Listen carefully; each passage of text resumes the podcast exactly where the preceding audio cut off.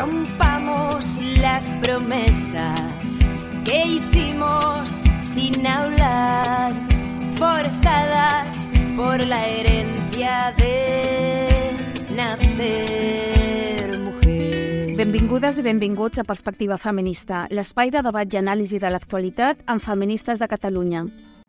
Crecimos con el miedo de.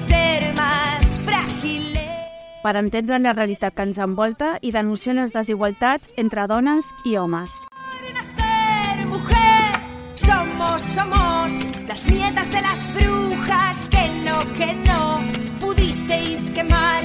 Somos la otra mitad.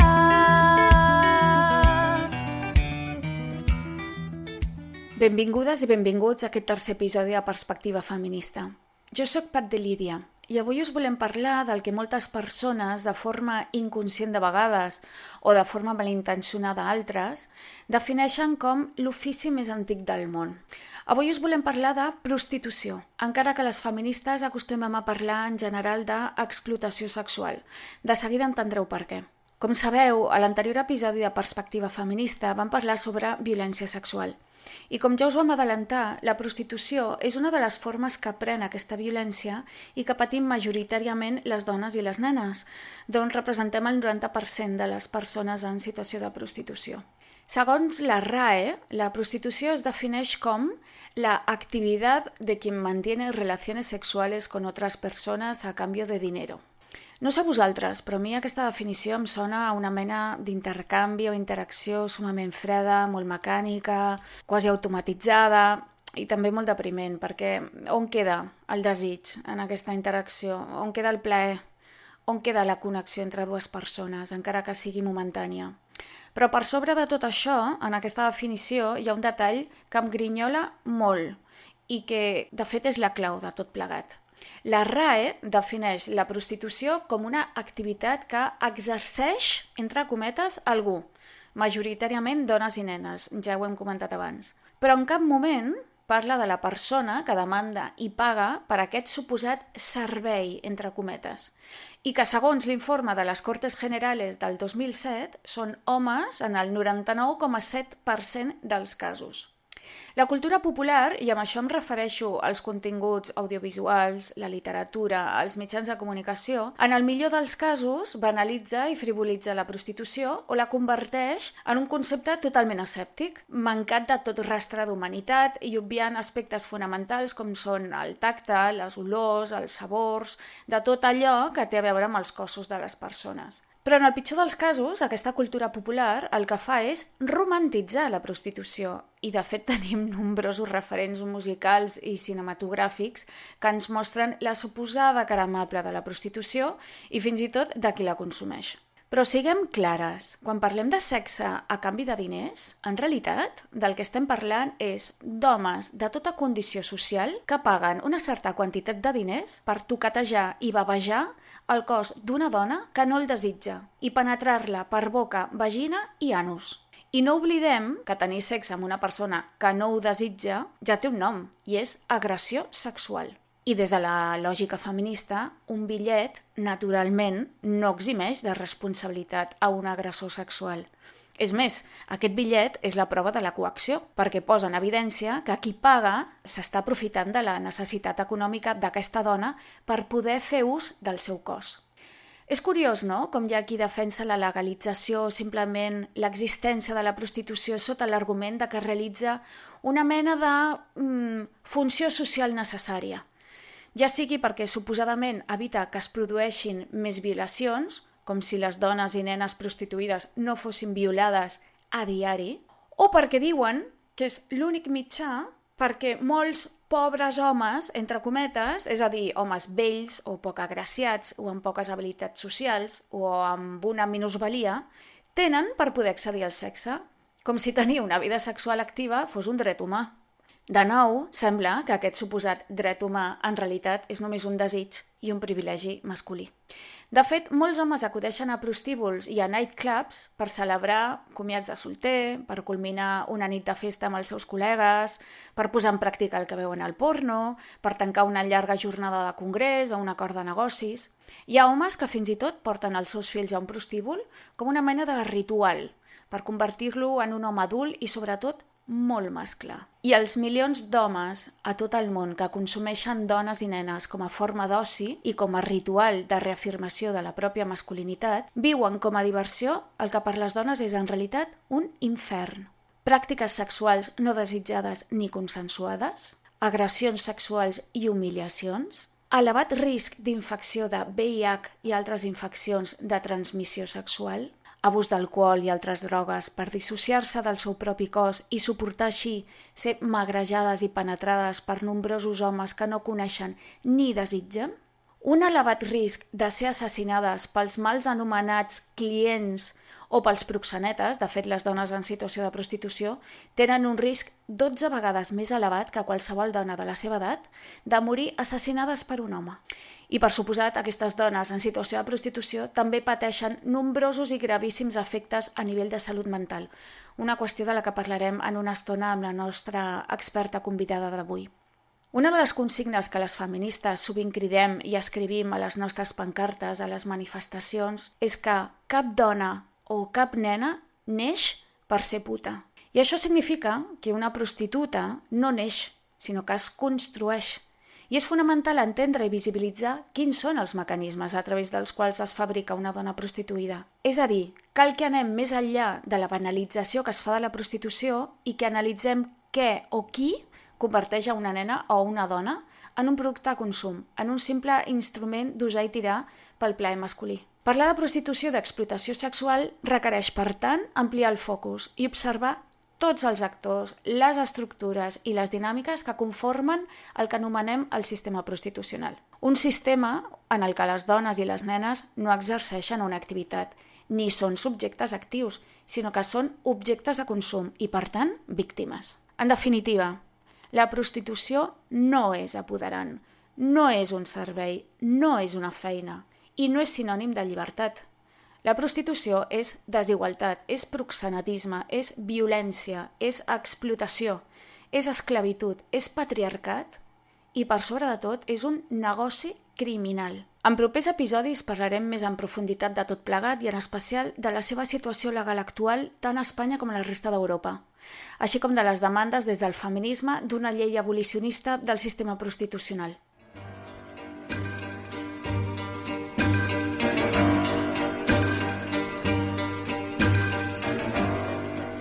You don't own me.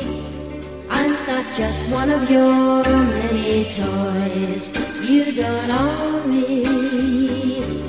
Don't say I can't go with other boys.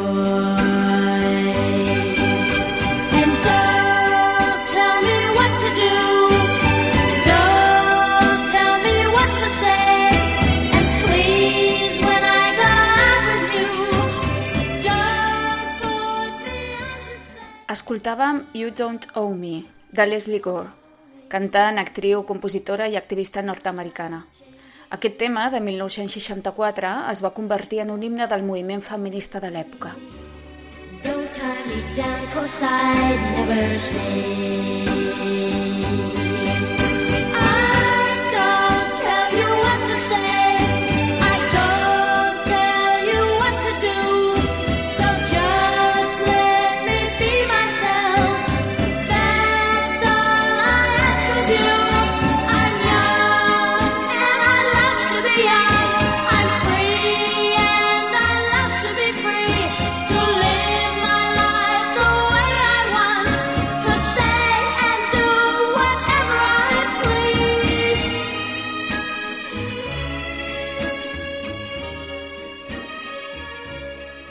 seguim amb més coses. Arriba la secció de la Wiki Feminista amb l'Erika Bastide.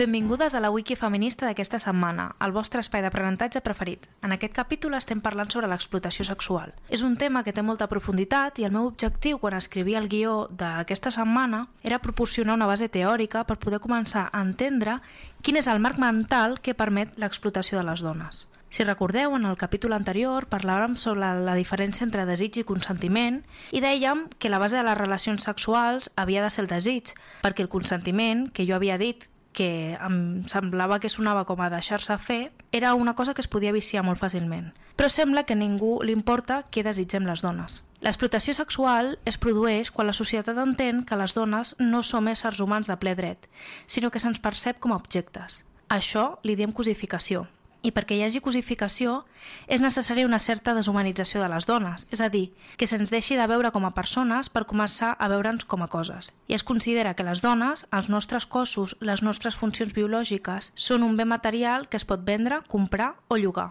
Això li diem mercantilització del cos de les dones. Si us fixeu, hi ha una idea latent, que és la dissociació entre el cos i la ment, com si les persones fóssim ànimes o cervells i conduíssim uns cossos que són aliens a nosaltres mateixes. Però la veritat és que nosaltres som els nostres cossos. Aquesta mercantilització es produeix, per exemple, de manera sexual quan fem referència al sistema prostitucional o a la pornografia, que ja vam comentar una mica la setmana passada. En aquests contextos, les dones ja no som considerades persones amb desitjos, voluntat, agència o drets, sinó que som senzillament nines inflables amb tres forats principals que els homes tenen a la seva disposició per gaudir sexualment a canvi d'un bitllet, independentment del que desitgi la dona en qüestió. Quan parlem del sistema prostitucional ens referim al negoci d'explotació sexual que s'alimenta bàsicament de dues dimensions, la prostitució i la pornografia, i que, perquè funcioni, requereix dels següents elements. Primer, uns demandants, els puteros. Les persones prostituïbles, en segon lloc, majoritàriament són dones i nenes. Després ens trobaríem davant de qui es lucra de la prostitució d'aquestes persones, que són els proxenetes, mm, i les organitzacions que trafiquen amb les dones i nenes eh, amb fins d'explotació sexual, que són tractants. I per últim, qui tolera que tot això passi, que és l'Estat en aquest cas. L'acceptació social de la mercantilització del cos de les dones és una conseqüència de la ideologia neoliberal. És el mercado amigos i nosotras somos la mercancía, amigas. La ideologia que converteix en mercat tots els aspectes de la vida amb una tàctica molt clara. Transformar els desitjos en drets, que s'aconsegueixen a canvi de diners. I aquí potser ens comença a sonar una mica algunes frases, no? El dret a ser feliç, el dret a ser pare o mare, el dret a la sexualitat, que sembla que digui no, que les persones hem de tenir dret a tenir sexe, quan el sexe és un desig. Jo ja fa uns anys que no vaig a l'escola, però pel que recordo els drets eren coses com el dret a la vivenda, a una feina digna, a l'aliment... Si us interessa el tema de l'explotació sexual des d'una perspectiva feminista, aquesta setmana jo no us porto cap llibre, perquè venen les vacances de Setmana Santa i jo sé que totes tenim moltes lectures eh, endarrerides que, que ens hem de posar. Jo la primera. El que sí que volia ensenyar-vos és que a la web de Feministes de Catalunya, www.feministes.cat, a la secció de recursos hi ha un apartat sencer sobre l'explotació sexual on trobareu moltíssima informació, enllaços d'entrevistes, conferències, seminaris i, finalment, pels que s'hagin quedat amb ganes, un apartat de recomanacions de llibres. I ara seguim amb més coses. Arriba la secció d'actualitat en perspectiva feminista.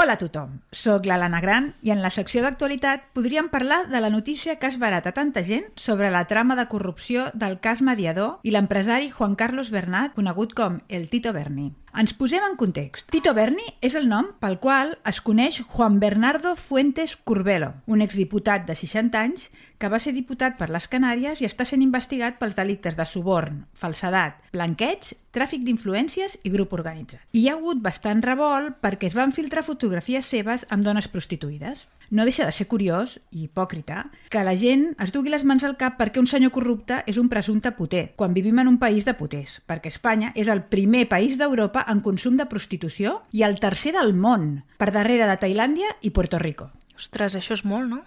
Sí, és molt. Et diré més. Espanya és el país de la zona euro que més gasta en prostitució. L'Anna, uh, em sona que hi ha hagut casos més sem semblants a aquest, no? Sí, no és un cas nou, no. Recordeu el cas Arni, l'any 2004? Uf, Molta gent coneguda s'hi va veure esquitxada. El cas Malaya, el 2006 i el 2007. Aquest és el del Julián Muñoz. Ah, exacte. La investigació va posar de manifest la relació de certs empresaris amb la prostitució a través d'organització de festes i la prostitució de dones per poters. El cas Sancus, el 2015, també relacionat amb polítics en prostitució i el cas Cusarc, el 2017. Aquest és a Mallorca, no? Ah, exacte. Les dades diuen que el 40% dels homes admet haver pagat certa quantitat de diners per toquetejar, bavejar el cos d'una dona que no el desitja i penetrar-la per la boca, vagina i anus.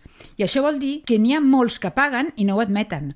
Ja sabem que en moltes enquestes de temes delicats la gent no acostuma a ser sincera en les seves respostes la demanda de prostitució és cada vegada més gran i la majoria de clients són homes amb una edat mitjana de 35 anys, segons un informe de Nacions Unides. Fa dos programes, quan parlàvem sobre el mobile, explicàvem com està estretament vinculat amb l'explotació sexual, que durant aquells dies augmenta el seu negoci al voltant d'un 30% i que per donar resposta a aquest augment de la demanda es mobilitzen una gran quantitat de dones prostituïdes des de diferents punts de l'Estat i des de l'estranger a la nostra ciutat, com si fossin una mercaderia. Però, l'Anna, això ha estat estudiat, oi? Sí, sí. La sociòloga de la Universitat Complutense de Madrid, Beatriz Ranea Treviño, va fer una tesi doctoral titulada El varón en la prostitución, perfil, característiques i actitudes. I va fer un treball que es va centrar en l'estudi del perfil i les actituds dels puters, és a dir, dels homes que paguen per accedir i fer ús dels cossos de dones i nenes que no es desitgen a Espanya. En la tesi va analitzar les dades d'un estudi realitzat a través d'una enquesta a més de 300 homes que havien pagat per serveis sexuals en els últims dos anys. Hi ha resultats per reflexionar, eh? Si heu estat amb alguna mani feminista, segur que heu cridat. O si més no heu sentit allò de «Mujer, cuidado, puedes tener un putero a tu lado», oi? Sí, sí, sí. Doncs en l'imaginari col·lectiu tenim la imatge del puter com aquella persona de baix nivell, no? que torrenteja una mica sense gaire formació. I el resultat mostren que els homes que paguen per sexe són majoritàriament de classe mitjana i amb estudis universitaris o postuniversitaris. Per tant, la consigna feminista de les manis és ben certa. Qualsevol home que tingueu al costat pot ser potencialment un puter. També es va trobar que aquests homes tenen una concepció de les dones com a objectes sexuals i que normalitzen la violència sexual. Bueno, això està demostrat, no m'estranya. Sí, sí. La tesi analitza les actituds dels homes puters en relació a la llei espanyola que penalitza la compra d'actes sexuals. Els resultats indiquen que la majoria dels homes creuen que la llei no és efectiva i que no dissuadeix els homes de pagar per sexe. Així mateix, la majoria dels homes no veuen la prostitució com un problema social i creuen que és una opció de treball per les dones. Clar, això és el que ja deia jo de la deshumanització, no? Què passa amb, amb les dones aleshores prostituïdes? Doncs la majoria d'elles són estrangeres, provenents sobretot de països en vies de desenvolupament. Moltes són víctimes de la violència i l'explotació per part dels proxenetes que les, que les controlen. El 70% de les dones en situació de prostitució ha patit algun tipus de, de violència mentre eren prostituïdes, en la majoria dels casos per part dels seus proxenetes. Això vol dir que la majoria de les dones que estan en el sistema prostitucional hi són perquè s'hi veuen forçades i sovint per la pobresa o vulnerabilitats socials. Així doncs, és important parlar de la figura del puter, l'home que paga per sexe. El puter no és un client de la prostitució, sinó que és un actor clau en el negoci que explota les dones i les denigra. Sense puter no hi ha prostitució. El puter és el responsable de perpetuar la prostitució i, per tant, de contribuir a la violència contra les dones i la seva explotació sexual. Per acabar, m'agradaria recordar que la prostitució i la tracta de persones són indissociables. Si no existís demanda de prostitució, no existiria la tracta de persones. És important lluitar contra la demanda de la prostitució i per la protecció dels drets de les dones que en són víctimes d'aquesta activitat. Recordem que el puter és el subjecte actiu, qui consumeix, qui agradeix, és qui paga per accedir al cos de les dones i a les nenes que no el desitgen. Va ser hora de deixar de normalitzar la prostitució i de reconèixer que aquesta activitat és una forma més de violència contra les dones. La prostitució no és una opció de vida, sinó una forma de violència i explotació. Arriba la secció Fem Talk amb la nostra companya Pat de Lídia.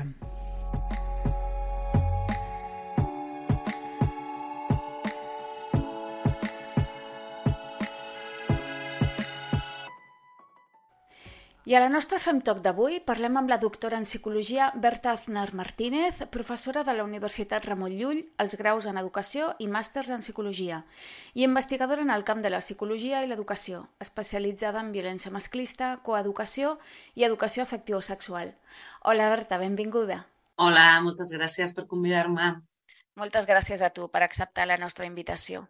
Al llarg del capítol d'avui hem parlat sobre la violència extrema que suposa la prostitució i hem explicat per què des del feminisme pensem que sota cap concepte la prostitució pot ser considerada una feina o, o un servei. Però sovint, quan en una reunió social, per exemple, es parla sobre aquesta qüestió, són moltes les persones que fan servir l'argument de la suposada lliure elecció. És a dir, defensen que les dones que estan en prostitució ho estan per una decisió personal i lliure.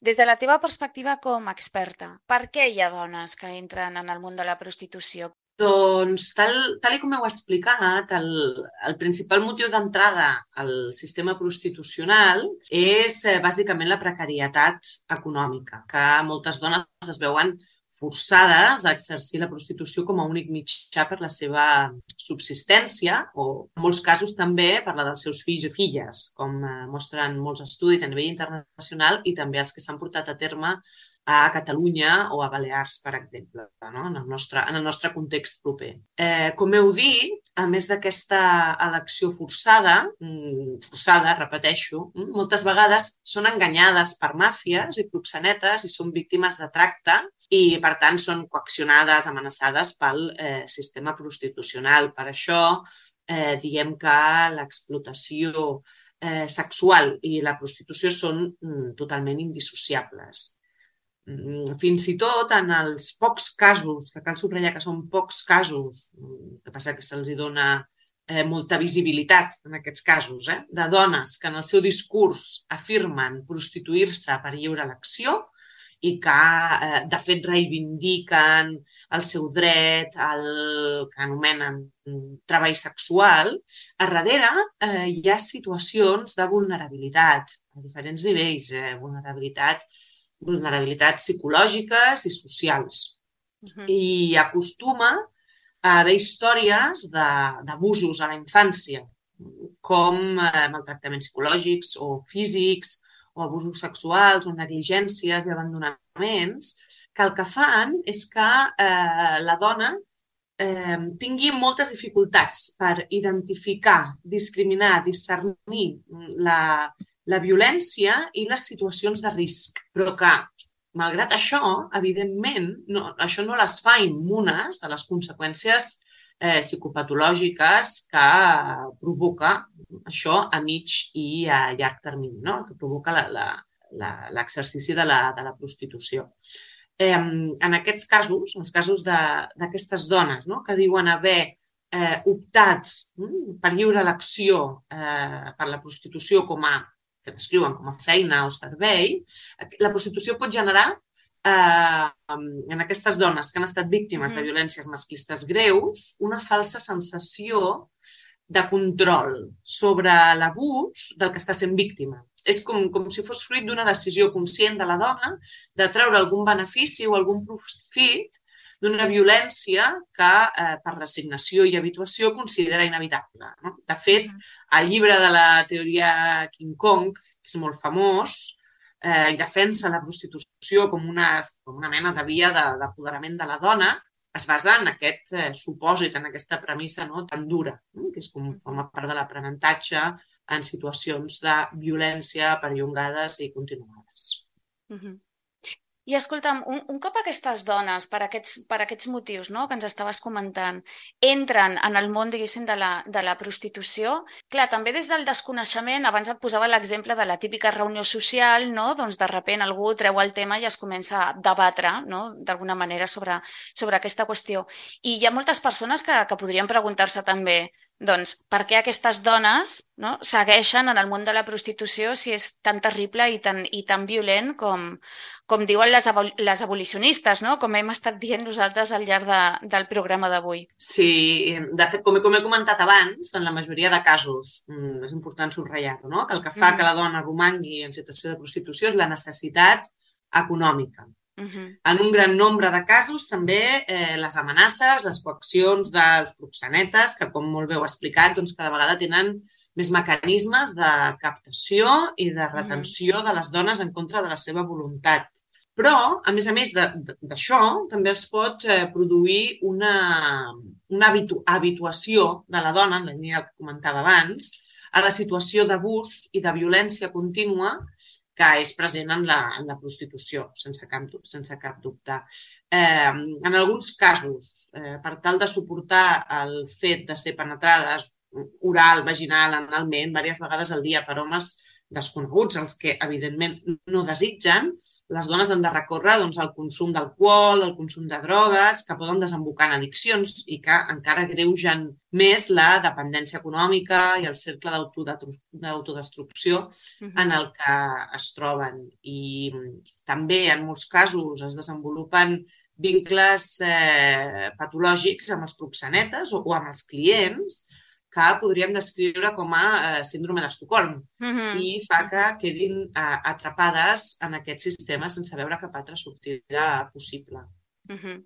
Mira, justament escoltava ahir una entrevista de l'Alika Kinan, eh, que, és, que com, bé, com bé saps és una supervivent del sistema prostitucional i és una activista argentina, activista per l'abolició la, per de la prostitució i, i precisament ella parlava del seu procés de sortida no? del món prostitucional i de com ella no volia, la van rescatar d'un prostíbul i ella no volia sortir del prostíbul i ella explicava el vincle malaltís que havia establert amb els seus propis proxenetes. I ella deia, és que per mi eren com una família, però era una relació absolutament malaltissa. I ella mateixa explicava com va tardar molts anys en adonar-se de, de, de lo malaltís d'aquella relació que havia establert amb aquestes persones que l'explotaven, no? Sí, sí, és habitual escoltar aquest eh. tipus de, de discursos en aquests uh -huh. casos, en, en, en, uh -huh quan les supervivents de prostitució expliquen des d'una nova perspectiva eh, tota la vivència que, que, han, que han experimentat en el món de la prostitució, amb el sistema prostitucional, és bastant habitual escoltar aquestes, eh, mm. aquestes explicacions no? sobre eh, què és el que les mantenia tan fermament eh, lligades en, en aquest sistema. Sí, sí, no, de fet, eh, no en aquest primer, diguéssim, episodi dedicat a l'explotació sexual, però sí en propers eh, tenim pensat entrevistar alguna supervivent del sistema prostitucional perquè realment eh, escoltar-les i escoltar els seus relats és, és molt dur, però també resulta molt, molt clarificador, no? De fet, quan, això, escoltant-les a elles, eh, prens consciència de moltes coses, però també hi ha estudis no? que, que analitzen l'impacte, diguéssim, no és només el relat de persones, que potser algú les podria, podria dir, a, a arribar a posar en dubte aquest relat, no? que em sembla una, una animalada, però vaja, hi ha gent per tot, però sí que ja posant en dubte els estudis, no? la ciència ja és més complicat. I hi ha estudis que des de la perspectiva psicològica parlen no? dels efectes de la prostitució en la salut física i mental de, de les dones en aquest entorn. Què, què diuen els estudis? Què ens pots explicar d'això? Mira, doncs eh, aquests estudis mostren com la prostitució no és inocua, evidentment, uh -huh. com ja podem imaginar, no? I, i, i que té conseqüències negatives a molts nivells per a les dones. Eh, a nivell físic, eh, doncs, eh, evidentment, es donen mm, de forma habitual malalties de transmissió sexual o esquinçaments vaginals o anals i, a més, hi ha una probabilitat molt alta de patir ferides d'altres tipus o fins i tot fractures, perquè és que cal tenir present la realitat de la prostitució i la realitat és que en molts, en molts casos les dones prostituïdes atenen clients violents eh, a vegades beguts i drogats, que actuen molt agressivament eh, cap a elles. Això a nivell físic eh, i, evidentment, també té conseqüències negatives a, a, a nivell psicològic. A més de l'abús de substàncies que, que he comentat abans i que, que pot eh, desencadenar en addiccions, eh, les dones prostituïdes tendeixen a, a fer ús d'un mecanisme de defensa per tal d'evadir-se de la violència implícita de la prostitució, que és la dissociació. Aquest mecanisme de defensa, que s'anomena dissociació, eh, el podríem descriure de forma molt simplificada com eh, separar la seva ment del seu cos, diguem-ne, que està sent abusat en aquell uh -huh. moment perquè d'una altra manera no podrien suportar la situació.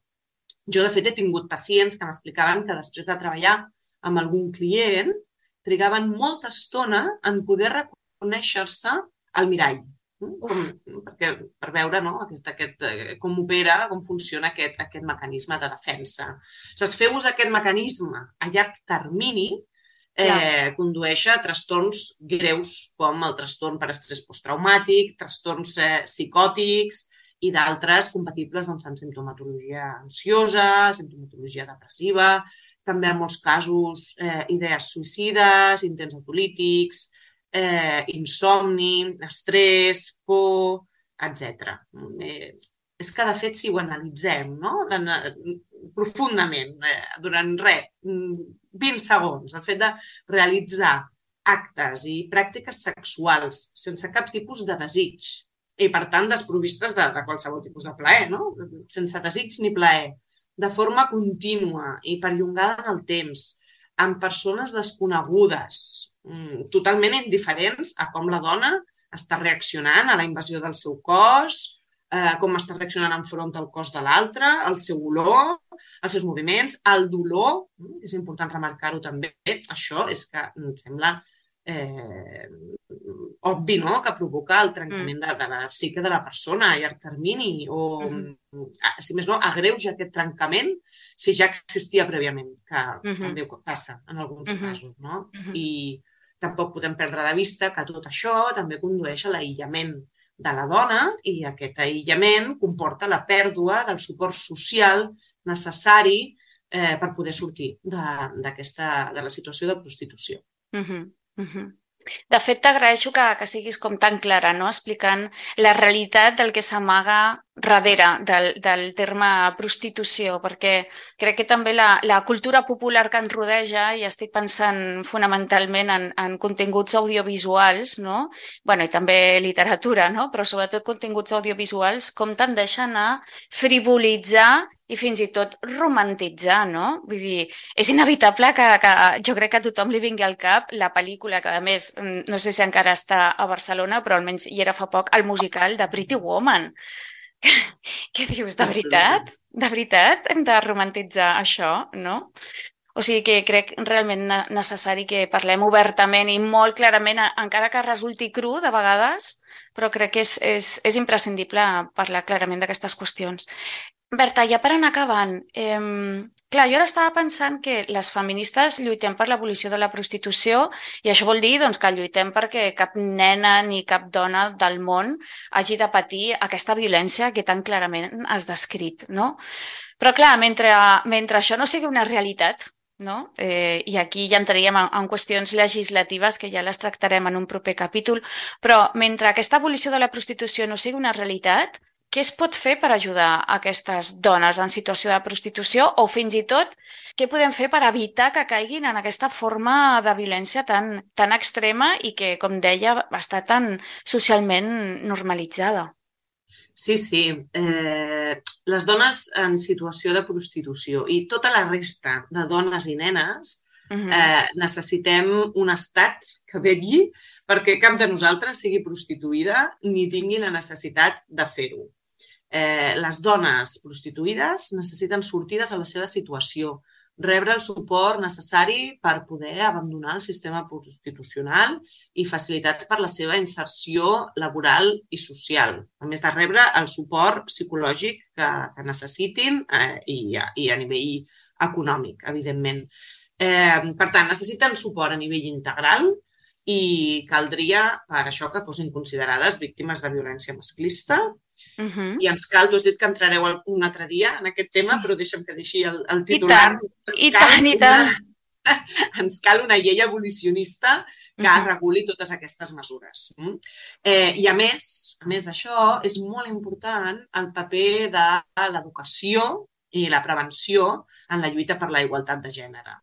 Cal, eh, és importantíssim, o sigui, és clau promoure un canvi social per tal que els homes deixin de cosificar i hipersexualitzar d'aquesta manera a les dones, uh -huh. desproveint-les de personalitat, d'intel·lecte, d'aspiracions, de desitjos, de necessitats, no? fins al punt de pagar per sexe a dones en situació de vulnerabilitat. Això és inacceptable i, és, com tu deies abans, està molt normalitzat a la nostra societat i cal, cal, cal tallar-ho d'arrel. Per això hem d'anar uh -huh. a la infància. Mm, cal garantir la coeducació en els centres educatius, per tal que nenes i nens creixin lliures de prejudicis i estereotips i uh -huh. cal també una educació afectiva sexual que fomenti que eh, homes i dones es puguin relacionar d'igual a igual. Uh -huh. Mm, cal una resposta global per part dels agents educatius i polítiques públiques, evidentment, que els que acompanyin, i calen lleis que vetllin per la protecció a la infància i a les dones, perquè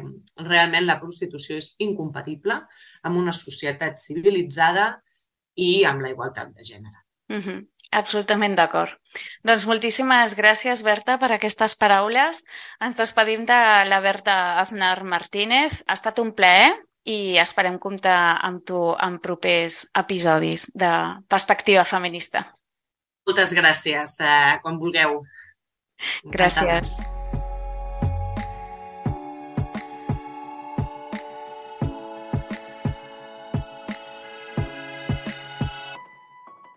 I fins aquí el Perspectiva Feminista d'aquesta setmana. Moltes gràcies per la vostra atenció.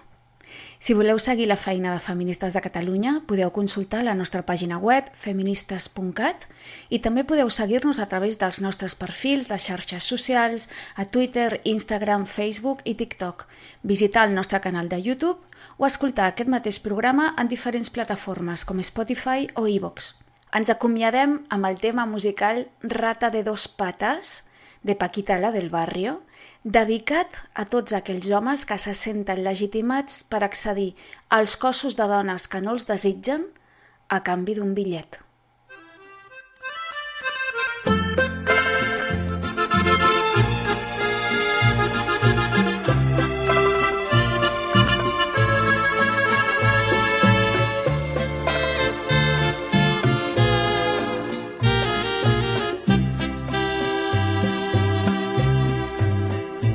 Rata inmunda, animal rastrero, escoria de la vida, adefesio mal hecho. Infrahumano, espectro del infierno, maldita sabandija, cuánto daño me has hecho. Alimaña, culebra ponzoñosa, desecho de la vida, te odio y te desprecio. Rata de dos patas, te estoy hablando a ti, porque un bicho rastrero, aun siendo el más maldito, comparado contigo, se queda muy chiquito maldita sanguijuela, maldita cucaracha, que infectas donde picas, que hieres y que matas. Alimaña, culebra ponzoñosa, desecho de la vida te odio y te desprecio.